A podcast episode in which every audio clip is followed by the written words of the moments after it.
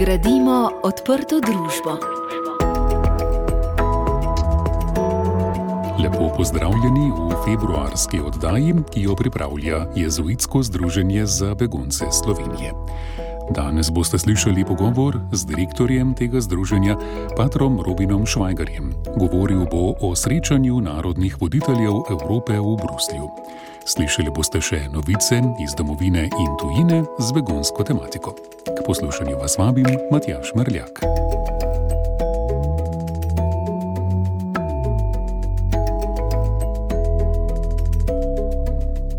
V studiu lepo pozdravljam današnjega gosta, patra Robina Švajgarja, direktorja Jezuitskega združenja za begunce Slovenije, ki nam bo več povedal o pomembnem srečanju v Bruslju. Lepo pozdravljeni. Lepo zdrav sem. Konec oktobra ste bili v Belgiji na srečanju mreže jezuitskih združenj za begunce v Evropi.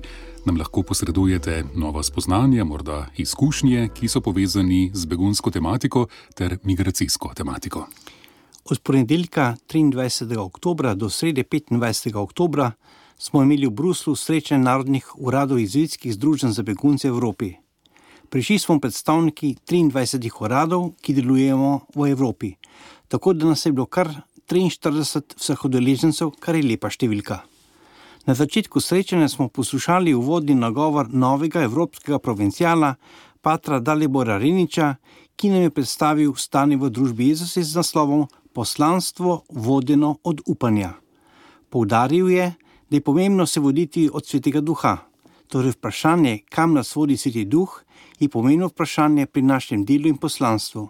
Še posebej, ker je jezuitov vedno manj, se staramo in doživljamo spremembo določene dobe. Spodbudil je k zavzetemu sodelovanju z lajki in lajkenimi, ki so naši pomočniki, partnerji v poslanstvu. Pomembno je, da so lajki dobro formirani in da lahko aktivno sodelujejo pri našem poslanstvu. Poudaril je, da je potrebno razločevati, saj vseh stvari ne moremo delati. Torej, povezati moramo poslanstvo z ljudmi, kura personalič in z deli, kura apostolika. Mhm. Kaj pa je bila središčna tema vašega srečanja? Ustavili smo se ob delu direktorja Izraelskih združenj za begunce v Evropi v kontekstu po-covidnega obdobja, vojne v Ukrajini in sedaj še vojne na Bližnjem shodu. V Evropi se soočamo z mnogimi imigranti, ki pridejo v Evropo s turistično vizo, potem pa tu stanejo ilegalno, brez ustreznih dokumentov. V letu 2021 je emigriralo oziroma prišlo v Evropsko unijo 2,26 milijonov ljudi, emigriralo oziroma odšlo pa 1,12 milijonov ljudi. Irregularnih ljudi je bilo v Evropski uniji približno 140 tisoč. Te številke nam kažejo, da se moramo soočati z različnimi izzivi, kot so socialna vključitev tujcev, vzroki, zakaj zapuščajo svojo domovino, varnost ljudi in tudi njihova identiteta. Ustavili smo se tudi pri naših projektih, še posebej pri financiranju projektov. To postaje vedno večji izziv, torej kako najti sredstva, še posebej za mednarodne projekte. Skrbeti moramo tudi za naše ekipe, da ne pregorijo ob tolikšnem delu. Važno je tudi, kako skomuniciramo naše delo. Soočamo se z okoljem, ki nasprotujejo tujcem, torej imigrantom in beguncem. Potrebujemo dobre in verodostojne zgodbe o ljudeh, ki so prišli v Evropsko unijo in so se integrirali. Dobra komunikacija našega dela je tudi odlično urodje za naše zagovorništvo. Še posebej smo se ustavili ob delu z begunci iz Ukrajine v sklopu projekta Ena pobuda. Predstavniki Jezuitskega združenja za begunce iz Romunije in Poljske so predstavili delo z begunci iz Ukrajine. Nekateri begunci so bili samo nekaj dni v določeni državi na poti na zahod in so prejeli potrebno nujno pomoč. Sedaj pa jih je vedno več tistih, ki ostanejo v teh stopnih državah zdaj sedaj potrebno dobiti stanovanja in službo za njih, kar je včasih kar težko. Evropsko jezvitsko združenje za begunce, ki je koordiniralo pomoč beguncem iz Ukrajine, je v prvih šestih mesecih leta 2023 pomagalo 23.700 ljudem. Do maja 2023 smo porabili 1,5 milijona evrov za potrebe ukrajinskih beguncev. Ste tudi kaj razmišljali o prihodnosti jezuitskega združenja za begunce v Evropi?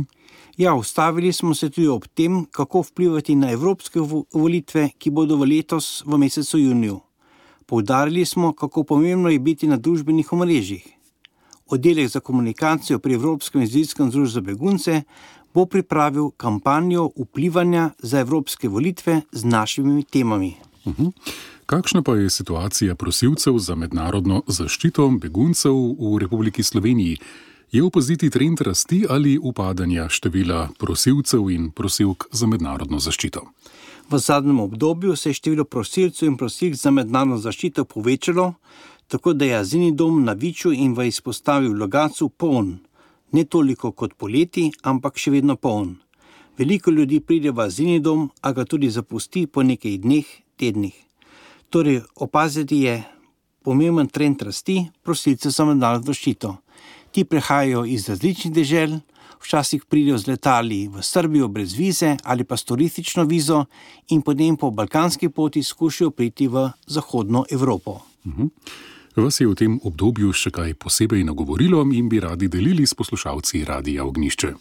Ja, rad bi delil en dogodek iz Brusla. Ko sem se vračal iz doma do Honihvaj, kjer smo imeli srečanje, leta, srečanje na letališču v Bruslu, je bil zaradi vrha predsednikov vlad Evrope oviran promet blizu postaje Šuman. Avtobusna linija 12, ki pelje na letališče, je imela drugačno pot, malo spremenjeno. Nisem vedel, kje poiskati novo linijo za letališče pa mi je en mlad fant iz Indije pokazal, kam moram iti, da bom srečno in varno prišel na letališče. Torej, prijazna beseda o pravem času mi je odprla pot naprej. Se mi zdi, da si moramo več pomagati, saj smo vsi na isti barki življenja, tudi beguncem, ki so v še težji situaciji, saj marsikdo od njih ne ve, kako naprej. Pater Robin Švajger, hvala za današnji intervju in veliko uspehov pri vašem delu. Hvala tudi vam.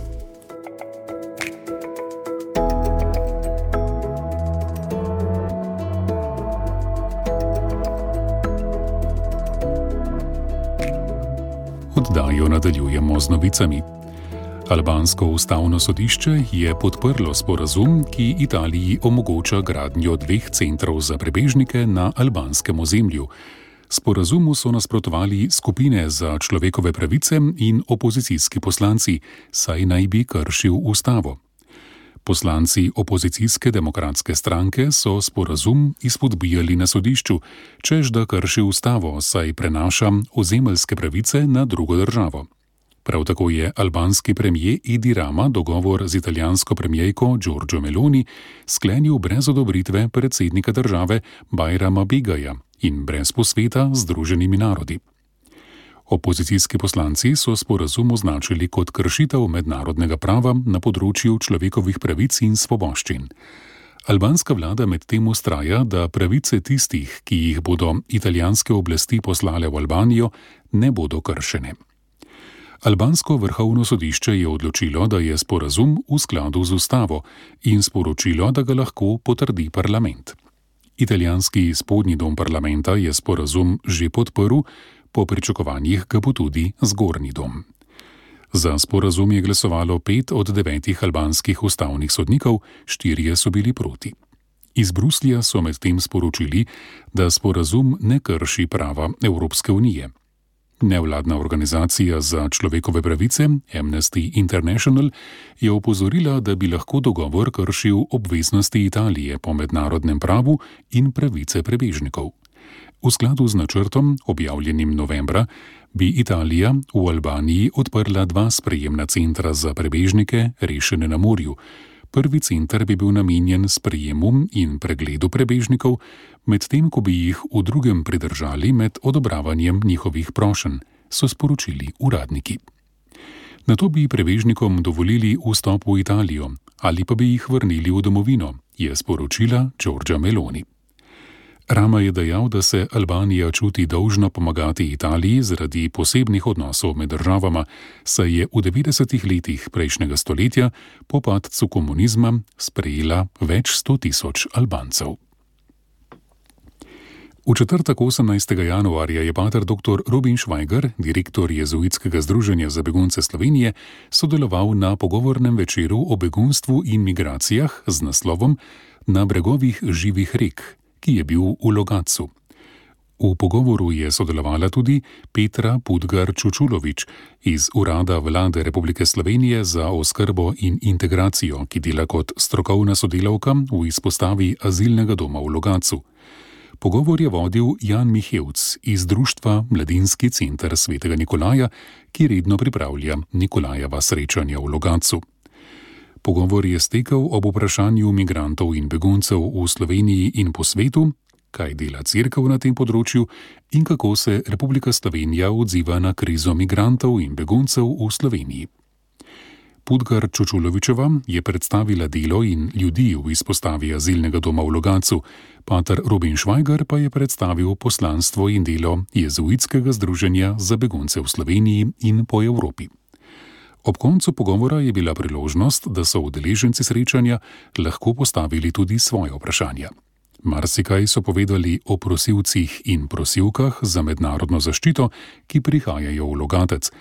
Večer je bil lep, saj smo se lahko dotaknili mnogih tematik, s katerimi se srečujemo v vsakdanjem življenju.